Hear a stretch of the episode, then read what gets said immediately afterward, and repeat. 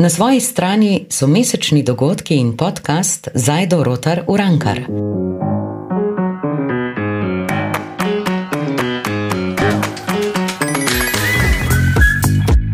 Pozdravljeni v podkastu na svoji strani, kjer z gosti spodbujamo pozitivne debate, ki nas skrbijo. Najlepša hvala mladinski knjigi in podjetju Zdravo prehrano Malinca, ki svojo podporo omogočata epizode. Uživajte v pogovoru. Tokrat je z mano gostja Tina Bončina, psihoterapeutka, predavateljica in avtorica odlične knjige Izgorelost. Pozdravljeni. Živijo. Ja, najprej se vam moram res uh, zahvaliti, oziroma pohvaliti vašo knjigo Izgorelost, ki sem jo prebrala tolikrat, da v bistvu sploh ne štejem več. No? Tako, kdaj v bistvu cela poglavja, kdaj sem kakšne počrtane izseke. Pa vsakeč sem jih dojela malo drugače. Um, tudi jaz sem ena izmed tistih, ki sem šla pred kratkim čez izgorelost, oziroma lahko rečem, da sem počasi, po moje, že v zadnji fazi skoraj ven. Uh, in vaša knjiga mi je bila res super uporano.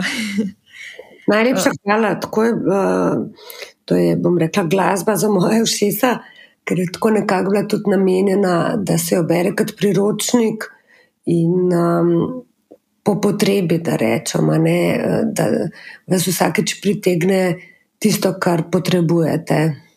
Mm, uh, zdaj, te izgorelosti je v bistvu ogromno. In me, me zanima, Kako se pravzaprav postavi diagnoza izgorelost? Ali ni mogoče to pač takrat, ko ničesar ne najdejo, pa rečejo, ah, izgorelost je? Uh, gotovo se tudi to zgodi, uh, je pa se mi zdi, da vedno boljše.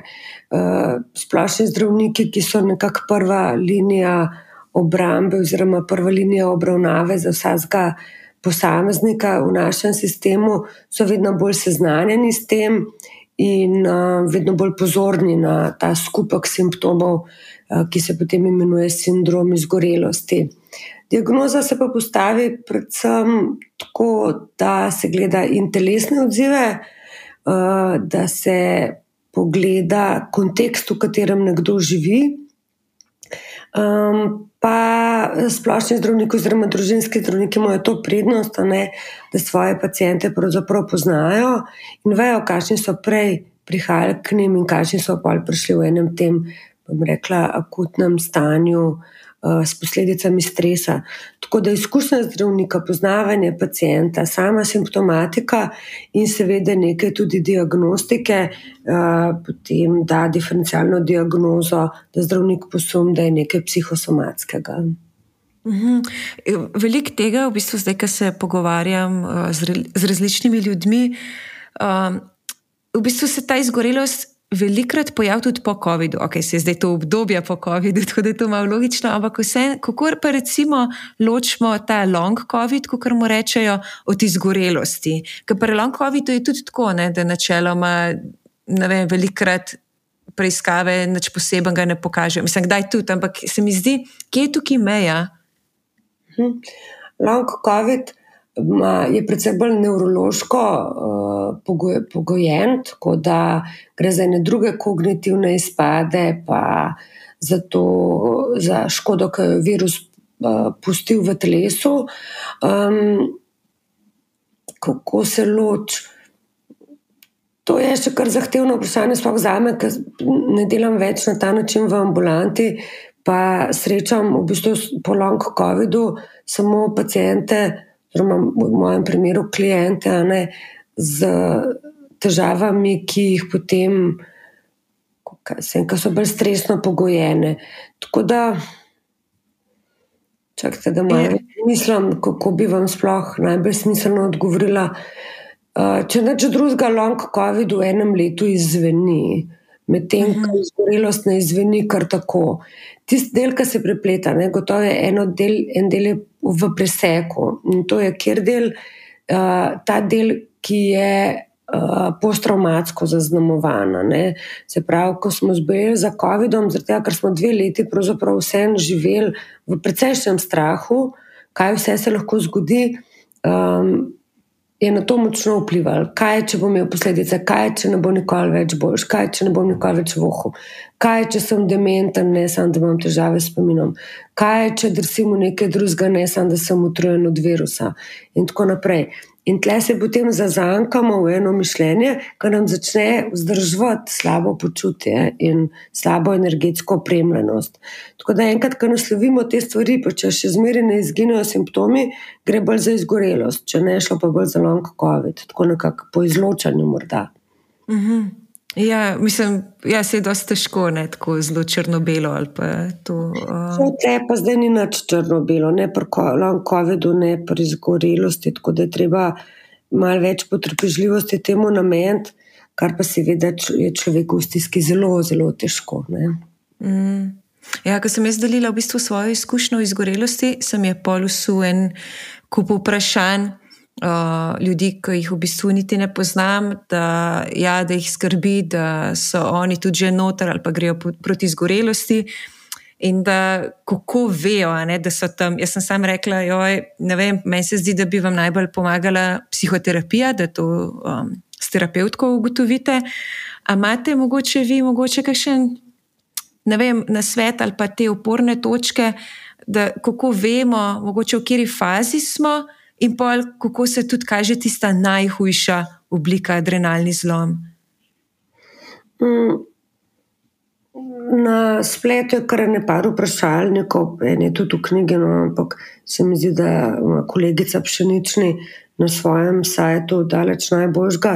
Um, eno par vprašalnikov je, ki nas vodijo čez to, kako doživljamo delo, kako doživljamo obremenitve, kako prenašamo posledice in tako naprej, da lahko posumimo, da je nekaj, um, da smo nekako na robe pristopili v življenju, opravilom in, in odnosom. Um, potem pa um, jaz ne bi vsega na psihoterapijo poslala, bi pa mhm. poslala najprej do najboljših prijateljev, ker prijatelji pravzaprav dosti dobro vidijo, pa, pa so delavci tudi, no, kdo drsi v izgorelost, samo noben ne reče, ker smo nekako strašno ljudni, pa, pa se ne upomnimo, da je tako le boš. Tako boš propadel, tako le našo, to boš kmalo zbolel. Čeprav večinoma, če pa nazaj vprašate, so vsi videli, da tako le ne bo šlo, da se dva, dve službi, pa otroke, družino, ne vem, kakšno se vse življenje vod. A je vam kdo rekel? Ja, ali jih razmišljate, zdaj, ko govorite, ne, mislim, meni. So mhm. iz vseh strani, od moža, staršev, ta tašče, prijatelj. Um, eni bolj direkt, eni manj, ampak vsi tako rekli, kot pa da je, da umir se, ali pa ne vem, če sem delala na nedeljo zvečer. Tako da je, vzem si frej, čaj spi. In jaz sem bila kar živčna, kam je to kdo rekel. Ne? Mislim, kaj frej, kaj, zdaj ne tukaj sedim na kavču, pa nič ne delam, če lahko nekaj opravim. Ne? Um, in tudi po moje, če bi mi takrat noben od teh ljudi, po moje, prav ni zares vedel ali pa poznal izgorelosti, ampak tudi če bi mi direkt rekel, da če boš to še delala, je zelo velika verjetnost, da boš padla v izgorelost, bi se mi zdel, ah, jaz pa že ne. ne? Tako da mene so zelo upozarjali, kakšni, uh, recimo, prijatelji na malo bolj mehak način, uh, družina, kdaj tudi tako na bolj oster, da zdaj pa je dosta. Um, ampak mi to, pri meni to sploh ni bilo učinka, se mi je zdelo bolj tako, kot le jaz sem sposobna vse to narediti in pač zakaj ne. ne? Ja. Um... No, tisto, kar je zanimivo, je pri tem res, da je ta način tako zelo pomemben. Čla, ampak dve stvari bi izpostavila. No. En je ta način, kako reči nekomu, da si, si v izgorelost. Um, drugo je pa, da noben ne bo rekel, no, ali pa bo rekel, no, veste, boš izgorela. Ponovadi ta stvarila sploh ne, ne, ne dosežejo svojega namena. Važno je, da človeka nagovorimo uh, sočutno v tem primeru. Le, mhm. recimo, ljubav, blazno, veliko delaš, vse daš od sebe, super ti gre, mene pa skrbi za te. Uh, tam ne vem, odlašaš s tem, ne, ne vidim te več, ne, nisi več z mano, ali pa pogrešamo te tukaj. Da eno drugo stvar nagovorite, ne, iz ene sočutne pozicije.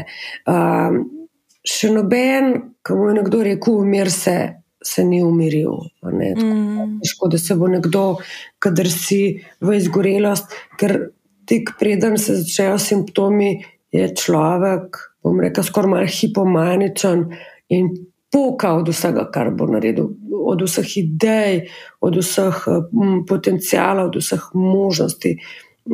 Boji se, da bo vse zamudil, ne zdi se opcija, da bi karkoli preskočil. Tako da v tistem takem, bom rekel, obsedenem uh, trenutku se ne da svetovati, kot umir se, vzemi si čas zase. To ne bo, ne bo nikoli dosegel nekih uh, plodnih tal. Uh, ampak skrb pa, da je pridmo z mano, da je zadihi, povej mi malo, kako živiš, uh, kaj se ti dogaja, kaj si pa želiš. Odaleč se zdi, da si si veliko vzel se bojiš, da boš kaj zamudil. Srabo bolj več sočutja, bolj opisno, več prostora, večkrat ponoviti, zelo nežno, pa bo to morda rodilo neke rezultate. Mm. Kako se vam to sliši, bi vi to upoštevali? Jo, ne vem, zato, zdaj, zdaj čist drugače gledam na situacijo. Um, zdaj, tudi kader uh, me mož ustal, recimo, ko imam dneve, tedne, ki se fulj dobro počutim, mm. malo namigne, kar ja, ne vem, aj, da bi šla na kakšno masažo. Uh, sem mu fulj hvaležna, zaradi tega, ker sem mu tudi rekla, tako vsakič, ko imam te pace, mu rečem, David, da je bod tako res uh, ne strok, ampak tako. Uh, dosleden, v smislu, čim vidiš, da, uh, da se spet probujem preterati, da me upomni. Tako da sem fulh hvaležna za te um, namige, upomnike. Prej pa ne vem, jo, zdaj sem tako zelo pristranska in. Mogoče, da bi to pomagalo, ne vem, ful težko rečem, res. Ali sem bila pa takrat tako zaciklena noter, da ne vem, res težko rečem. Zdaj probavam, recimo. Um, pri parih prijateljicah, ki imajo take vzorce. Uh -huh.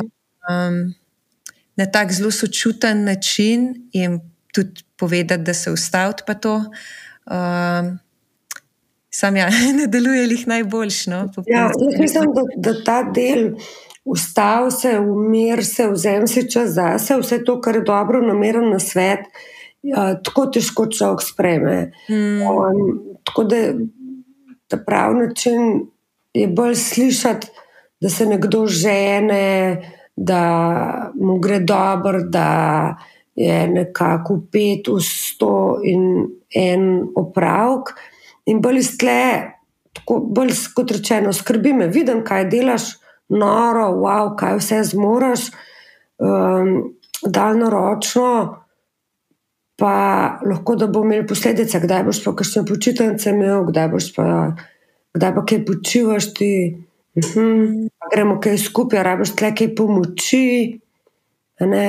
Se mi zdi, da nekdo, ki poka od uspehov, pa če mu rečete, ustav se, bo prej uporniško odreagiral, kot pa poslušal, no, da bo rekel, kot ti meni govoriš, normalen. Mm. Tako da uh, zelo negujoče um, v transakcijski analizi je tako lepo razdeljen, da so tri ego stanja, s katerih se oglašamo. Ali se oglašamo iz pozicije starša, ali iz pozicije odraslega, ali pa iz pozicije otroka. In um, nekdo, ki um, vrsi v izgorelosti, gotovo v enem prilagojenem otroku, celo enem ubogljivem, pridnem, ki bo vse naredil. In če ga začnemo kritizirati, bomo dobili nazaj uporniškega. Tako da mm. gotovo je samo, jaz mislim, da je daleč najboljši, negojoči pa odrasli, negojoči pa odrasli, pa mogoče nekam pridemo. Drugač pa se veste, ne, se mi zdi, da v knjigi začnem s tem, da spremembe delamo. Le takrat, ko nam je hudo, če nam je dobro, nič sprememb ne naredimo. In nekdo, ki je uspešen na stoj na eni strani, nima nobene želje še po spremembi. Mm. Tako da ta del je predvsem treba nagovoriti. Ja, drugače je pa tako nevrjetno, v bistvu, koliko je ti izgorelosti. Ker sem jaz delila svojo izkušnjo s tako malo širšo publiko, nisem mogla verjeti, koliko je dejansko ljudi, ki gre čez, ali pa so že šli uh, in so našli pot ven iz izgorelosti. A res živimo v epidemiji izgorelosti, a se je mogoče to dogajalo že prej, pa ljudje niso to govorili v svojih izkušnjah. Um, ka, recimo, če pogledamo tako, ne vem, zelo daleč nazaj, ne smo velikokrat slišali. Včasih, da je kdo imel vsega dovolj, spakiral, pustil vse za sabo, službo, družino, šel. Uh, ne vem, je mogoče bil to tudi nek pokazatelj uh, izgorelosti na nek način. Je bilo že tega včasih ogromno, pa smo zdaj samo bolj odprti glede tega, kaj se nam dogaja. Um, ne, v tem stoletju ali tisočletju je več uh, izgorelosti, tega, ker ni več um, omejena samo na delovno mesto. Um, včasih so ljudje bolj 8 ur hodili v službo in potem zaključili z delovnim časom, in morda imeli popoldne neke hobije. Zelo redko kdo je imel še popoldne še eno službo, vsaj ne, uh, bom rekla, um, znotraj naše, uh, zna, naše kulture v Evropi. Um, in potem se je, bom rekla, so bili včasih označeni bolj za povspetnike, ne, pa za garače, tisti, ki se niso znali ustaviti, pa veliko večjo frustracijsko toleranco so imeli, se pravi, so znali več zdržati tega, da jim kaj ni všeč. Potem pa po letu 2000, že ko je bila prva recesija, je prišlo do velike optimizacije delovnih mest, na polno se je odpuščal, uh, obseg dela je ostal pa enak. Mm. Plus, da so se razmahnila družbena omrežja, ki so začela postavljati neke grozovite norme, kaj je ok, pa kaj ni ok. Če bi bil prej to samo za ženske, ne vem, nek volk, pa kozmopolitan s svojimi retuširanimi slikami, in potem rado Instagram, eden izmed vodilnih problemov pri tem, kako se predvsem dekleta dojemajo, ne? pa Facebook, mogoče po dosežkih, ki vse smo bili, pa kaj vse smo naredili. In uh, neka kombinacija tega, da so ljudje v službi upravljali za vsaj za človeka in pol um, opravil, ne, potem pa še doma morali ne vem, kaj vse dosežeti, pa ne znali biti izklopljeni, ker to tudi uh, s pojavom pametnih telefonov. Je, se je služba zažrla v prosti čas, ne, pa, ali pa dosegljivost je kar velik problem. In potem, če vse to nekako namešate, kakšne so norme, ki so enormno visoke, um, kdaj smo dosegljivi, kdaj lahko delamo. Kaj vse moramo narediti, kako vse se moramo obnašati, plus ta neka optimizacija, namesto da bi nam olajšala, pa da bi delali manj časa, pa manj dni, delamo še več časa, še več dni, še več dela, še za več oseb. Mm. Da, ja, se jaz že, ko povem to, sem malo utrujena, da tako rečem. Meni se ne zdi nič čuden, da je veliko več tega, ker smo nezaščiteni. Nezaščiteni smo pred informacijami, nezaščiteni smo pred tem, kako uh, se postaviti v življenju, nezaščiteni smo bili tudi za tole delo nadaljavo, ker smo kar na nadoma zintegrirali službo, gospodinstvo, prosti čas, zasebni čas, uh, pa še s policijsko uro doma ostajali meni se ne zdi to krenavadno. Sam takrat nismo bili dovolj pametni, ne? zdaj za nazaj gledati, smo lahko vsi generali, ampak um, to je, jaz ne maram izraza kuga tega časa, zaradi tega, ker to se mi ne zdi. Zdi se mi pač, um, da je to opozorilo, da smo zašli, da, da to ni ta pravi način za zdravo in zadovoljno življenje. To je način za unih par deset bilijonarjev, da so še bolj bogati, drugače pač kaj dobrega ne prenese. Mm. Ja, to je res. Um, v bistvu ta nasičenost iz vseh strani, ne?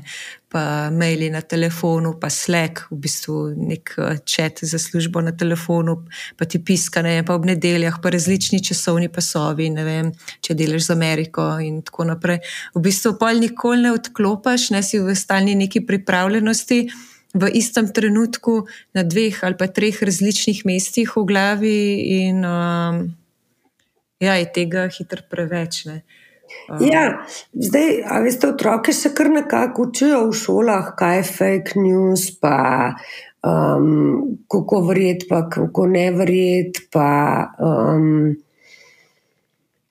kako bi rekel, kdaj jih manipulirajo, pa kdaj jih ne manipulirajo. Ampak, jaz pa, mislim, jaz sem tako starejša. No, um, Gledam čez drugače na te vse možnosti. No, ena cela ta generacija je gor zrasla brez enih, bom rekla, omejitev ali brez učenja, kaj je prav, pa kaj ni prav, in je zažrt v vse pore uh, življenja. Veliko, um, kako bi rekel, da ne bom, da ne bo izgledal, da jamram tle, ampak velike komunikacije, pa velikega socialnega življenja se online odvija. Mm. In ni čist realen, če smo iskreni. Blazen, uh, veliko lažje je tipkati se, kot pa pogovarjati. Mm. In pa je zato tudi pozna, ne? ker živimo od, od tega, da se čutimo, ne od tega, da se tipkamo. To tipkanje samo delno zadosti našim potrebam. In pa če se ne vidimo in se ne pogovorimo in se ne začutimo, ne? bežimo od vsega in pa tlačimo in tlačimo in tlačimo. In pa več kot tlačimo, več imamo demonov in bolj nas izčrpajo. Mm. In to je ena splošna značilnost ja, teh, ki so doživeli zgorelost. Um, stisnejo zobe na napačen način, je zdaj reči, da rabijo pomoč, stisnejo zobe, sebe obtužujejo, se ne potožijo, se umikajo, kako rah se kačem, se tako sploh družiti, se nisem za kamer, in na koncu osamljeni z občutkom uh, bremena obstanejo, če si izčrpani. Mm. Ja, zdaj... Se razvija, no? tako vsem pa upam, da se zdaj iz teh besed, če mi zaslišam, katastrofično. To se počasi vse razvija, uh, se da je veliko kora, bom rekel, stopenj, na katerih se da to zaustaviti. Ni tako vse mm. čezno gledo. Ja. ja, pa tudi konec koncev, ko že padeš v izgorelost. Ne, um, tudi ni nujno, ker konc sveta. Meni je v bistvu ful pomagal ti zdaj. Ene stokrat sem ga prebrala v vaši knjigi, da ima telo svoj mišično-celični spomin, kako je biti zdrav in tja vas bo tudi pripeljalo. Um, Verjetno je res najbolj pogosto vprašanje, ki vas izgoreli človek vpraša, je, koliko časa bom rabo, da se poberem, a se sploh bom, um, ker v tistih najhujših dnevih, tednih se zdi, da v bistvu nikoli ne bo boljš, Ampak, ne vem, polk sem se pogovarjala z različnimi ljudmi, uh, tudi prijateljem, ker nisem vedela, da so šle čez to kar zelo dolg uh, čas nazaj. In so se sicer po malo daljšem obdobju, uh, parih letih pobrale, ampak so, so se čist pobrale in zdaj živijo, da nikoli ni bilo noč, v smislu, mislim, ne, da nikoli ni bilo noč, ampak tako, da so aktivne, uh, lihtko, kot prej, več kot samo joga, recimo, potujejo, še vedno imajo odgovorne funkcije v, v službi, drugače dojemajo življenje. Mislim, da je to itak logično, ampak so pa res. Uh, ni tisto, zdaj pa sam yoga, pa meditacija, pa ne vem, več delati cele dneve. Ne. Tako da se verjetno lahko tudi iz večletne izgorelosti popolnoma poberemo. A ste imeli tako fantazijo, da pa, ko si enkrat izgorel, da pa noč več ne delaš? Um, še vedno, kdaj, ko so te patici, v bistvu sem že čisto redo, pol pa padem. Kaj je tako, da bi mi en, kako ne rečem, da bi me en ugasnil. Uh, in mi uno energijo ven počrpa v trenutku, res, to ni tako postopoma. Uh, se mi tako zdi, ošit, oh, pa kako bom, ne sploh kdaj še normalno funkcionirala, bo tako cel življenje, pa v bistvu je 8 mesecev zdaj. Ja, jaz temu rečem alarm. Je, če, se, če se niste naučili lekcije, pa vas ugasne, pa pa dajmo še enkrat. Mm. To je tako prižgi, ugasni in prižgi, kot pri komputerju. Ste se zapletali, opla, gremo nazaj na level one, pa gremo ponovno. Tako da to je tako upozorilo, da telo ne dovolj več, toliko časa izgoreli, izgo, uh, ignorirajo ta sporočila, da pol telo rata predvsej bolj strogo. In tako je, ko zamočite, vas ustavi, ker ni več, uh, bom rekla. Ja, je tudi zanimivo. Recimo, sem pa ugotavljala, da je verjetno pri vsakem človeku drugače, ampak malo sem se bala teh uh, fizičnih aktivnosti, ok, od začetka itek nisem bila sposobna, sploh ne vem, še na sprehod ampak potem uh, me je bilo pa bolj strah, ojoj, a bom lahko jaz šla na kolo, ker ne vem, a grem lahko za eno uro na sestanki. Sem potem ugotovila, da kdaj me kakšni sestanki veliko, veliko bolj izčrpajo, tudi če trajajo eno uro, ker ne vem, neko tako. Um, Ko se reče, izi kolesarjenje s tam ali ima, ne, ne vem, tudi dve mhm. uri. Uh, in sem pa čist počita, ne, kdaj, kakšne pa take, ni tako fizično povezano, ne, nujno. Uh, tako da ja, se veliko naučiš iz teh padcev. Ta del je zelo pomemben, kar ste ga zdaj izpostavili in to je. Um, razumem zdaj, zakaj ste povezali na ta mišično-celični spomin. Um, en del je mišično-celični spomin in telo hoče nazaj v zdravje. Mm. Po drugi strani pa, kadar začut tisto, kar vas je, bom rekla, uničval, vas pa tudi opozori. In pa se vsake take epizode ustrašite, o moj bog, no bo nikoli dobro. In pa se začnete bati, temu se reče pa, kukor, da anticipirate, ne, se pravi, da uh, predvidevate, da se bo to zgodilo, in se reče anticipatorna um, anksioznost. Se pravi, da se bojite že samega občutka utrujenosti, ker ga neizbežno povezujete z izgorelostjo. In se je treba mhm. nazaj navaditi biti samo utrujen. Uh, če, če me razumete, na tak simpel način. Noč tam sem pač malo crknena. In noče, yeah. Ja. kaj je tisto, kar vas ka izgorevate. Normalno je, če vtešite na visok hrib, da ste utrujeni, normalno je, da vas tam meni butli, uh, pardon, mojemu izrazu, uh, spravijo, ja, spravijo ob velike energije. Um, in to ne pomeni, da ste vsakič čist na začetku. Ne? To samo pomeni, da se učite kdaj ste mentalno izčrpani, kdaj ste fizično izčrpani, pa pa se je treba naučiti, še kdaj je duša izčrpana. Jaz mislim, da je, da je fajn ločiti te različne nivoje in se opazovati in jih tudi različno, bom rekla, um, napolnjevati.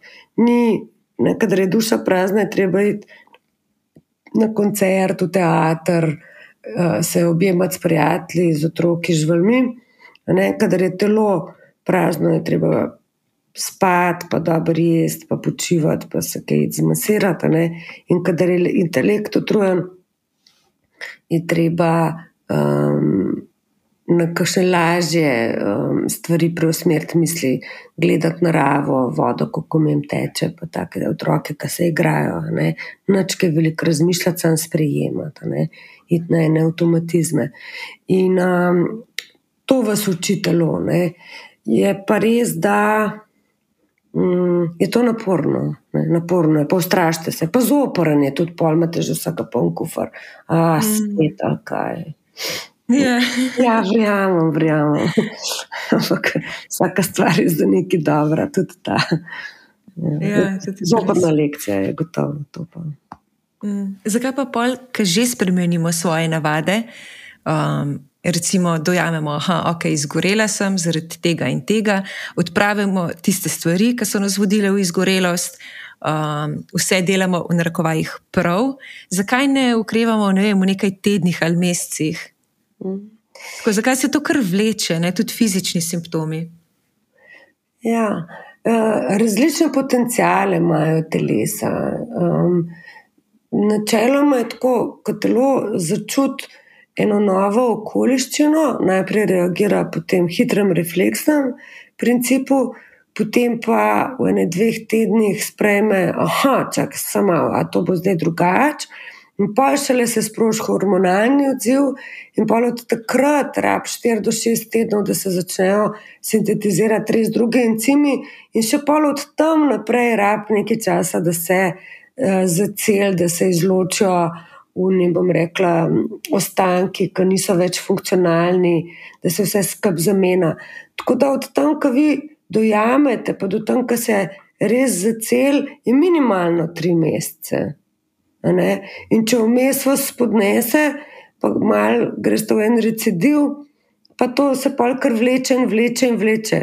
Um, tako da uh, nežnost do, do telesa je nujna pa poznavanje mal teh, um, bom rekla, kdaj kaj rabite, je tudi nujno. Jaz mislim, da je ena kombinacija tega, da gledate nas in na druge s to ljubečo naklonjenostjo, da znate predihati, da se znate čas vzeti, da um, znate ne katastrofirati. To je ena kombinacija vsega, vsega kar pa omogoča, da se telo umiri. Telo je takrat, ko se vi res čisto ustavite, blazen v neto, vse je v net. Um, no, od služenc notranjih organov, um, blazno je nekih unetnih faktorjev, ki blokirajo ne, večino procesov. In prej to vi vse umirite in bom rekel, skoraj pogasite, ne, pa da se začne obnavljati, to rab čas. To, to so počasni mehanizmi. Ampak tekom epidemije se je pokazalo, da naše znanje telesne fiziologije ni najboljše. Ne? Smo veliko špricali v osnovni šoli, uh, ker če bi poznali imunologijo, uh, ki je pravzaprav osnova tudi za te umestne procese, bi tudi uh, celotno dogajanje z virusom boljš razumelo. Zato jaz vedno, kadar učim, učim tudi fiziološki del, um, zato da ljudje dobijo ne vajeti v rokah. Vi ne morete enostavno računati, da bo en drug vam povedal, kaj naj naredite. En drug vas bo naučil jezika telesa, pa boste pa morali govoriti ta jezik. Meni je eno od mojih klientov tako blazen lepo rekel, da je pravzaprav izgoreval, sprašuje pa zaradi tinitusa. Ne? Tinitus je um, zvonjenje ali pa šumenje v ušesih, ki nikakor ne gre stran. Mhm. In najprej ni hotel pri, uh, pač sploh slišati o tem, da kaj dela preveč, pa narobe. Polje pa prek tega, da je videl, da je res ekstremen perfekcionist, prišel do tega, da res pri vsaki stvari uloži čist preveč in da dobi skoraj noč nazaj, in da je konstantno razočaran, in da valjda to šumenje, oziroma v njegovem primeru piskanje, ga na nekaj opozarja. Pa je pa tako lepo povzel, je rekel: Veština. Jaz sem se navadil, da je to moj zvok, to sem jaz. Če struna zveni tako, tako zvenim jaz, ki sem v stiski. In odkar mhm. poslušam, je veliko lažje. In to je edini ta pravi pristop za moje pojme. Ne, more, ne morete se vi pozdraviti na isti način kot prijateljica, ker niste enako zboleli. So ena pravila zelo podobna, ampak kaj bo kaj so vaše vrednote, pa kaj so njene, pa kaj bo vas na noge postavili, pa kaj bo njo, je malo drugače. Je pa isti jezik, ne? je pa treba videti, kaj telo sporoča. Kako ste vi zdaj pa, pa pozorni na svoje telo? Ja, mislim, meni se zdi, da krno. Um, tako še vedno imam neke simptome, recimo te mravljince, ki so zelo prisotni, um, skoraj vsak dan, Uh -huh. um, in to je tisto, kar me recimo najbolj jezi. Ja, kako pa se sem že vse spremenila, se sem čisto umirjena, uh, zakaj to ne gre stran. Je pa kakšni te glavoboli, utrujenost, pa mislim, una izčrpanost. Ne, to je pa. Um, no, recimo en, en drug pogled, malo bom tle uh, šla kar v, v to svojo terapevtsko uh, persono. En drug pogled na te mravljince, pa na glavobole, je gotovo, o, o, hvala, mravljinci, hvala telo, ki me nosiš, ok, slišim, čuvam, ustavljam, ja, kar mirno, ne bom avzglazala. Mm. Na ta način jaz uspodbujam pogovor s telesom. Um, imamo samo en telo, ne? Veste, si predstavljate, da bi vozili en te iste avto od rojstva do smrti? Gotovo bi ga ful pazil. Uh, s telesom pa kar grdo delamo. Um, in kaj enkrat začnete mu izražati hvaležnost, ne pa da ste na njega jezni, ki spet ga serije, uh, se tudi začne drugače obnašati. Je malo ne navadno, kaj jaz pol govorim tako o telesu, kot da je ena svoja entiteta, ampak mogoče je tako najlažje. Prav, um, upam, da mi poslušalci navijo zamerali te nenavadne uh, pozicije. Ampak jaz sem strašno dobre izkušnje s tem, da začnemo enkrat spoštovati uh, gre veliko hitreje v zdravje. Mm. Ja, najlepša hvala za vaš čas. Jaz bi lahko govorila, po mojem, še kar par ur o tem. uh, tako da me za konec zanima, kaj bi radi sporočili vsem poslušalkam in poslušalcem. Um, pa jaz mislim, da ste vi ta glavno sporočilo te zgodbe, da ste za nazaj veliko razmislili, videli, da so vas ljudje, ki vas imajo radi, opozarjali, da ste šele potem to nekako na en drug način vzeli in začeli živeti bolj v stiku s sabo, se o tem pogovarjati, biti iskreni. Eh, raziskovati, se spoštovati in začeti ceniti uh, tisto, kar je res pomembno v življenju, um, kot je važna s fantki uh, na prosto popoldne. Tako da jaz mhm. nimam nič temu za dodati, kot da hvala za ta lep vzgled in za to, da opozarjate, da je stvar je ozdravljiva in da nikakor nihče ni sam s tem, da je tega veliko več in da je prav, da delite med sabo. Ja, najlepša hvala. Uh, drage poslušalke in poslušalci, uh, vi pa poskrbite za se in se slišimo spet naslednji mesec. Dio. Več pa na svoji strani, pika si.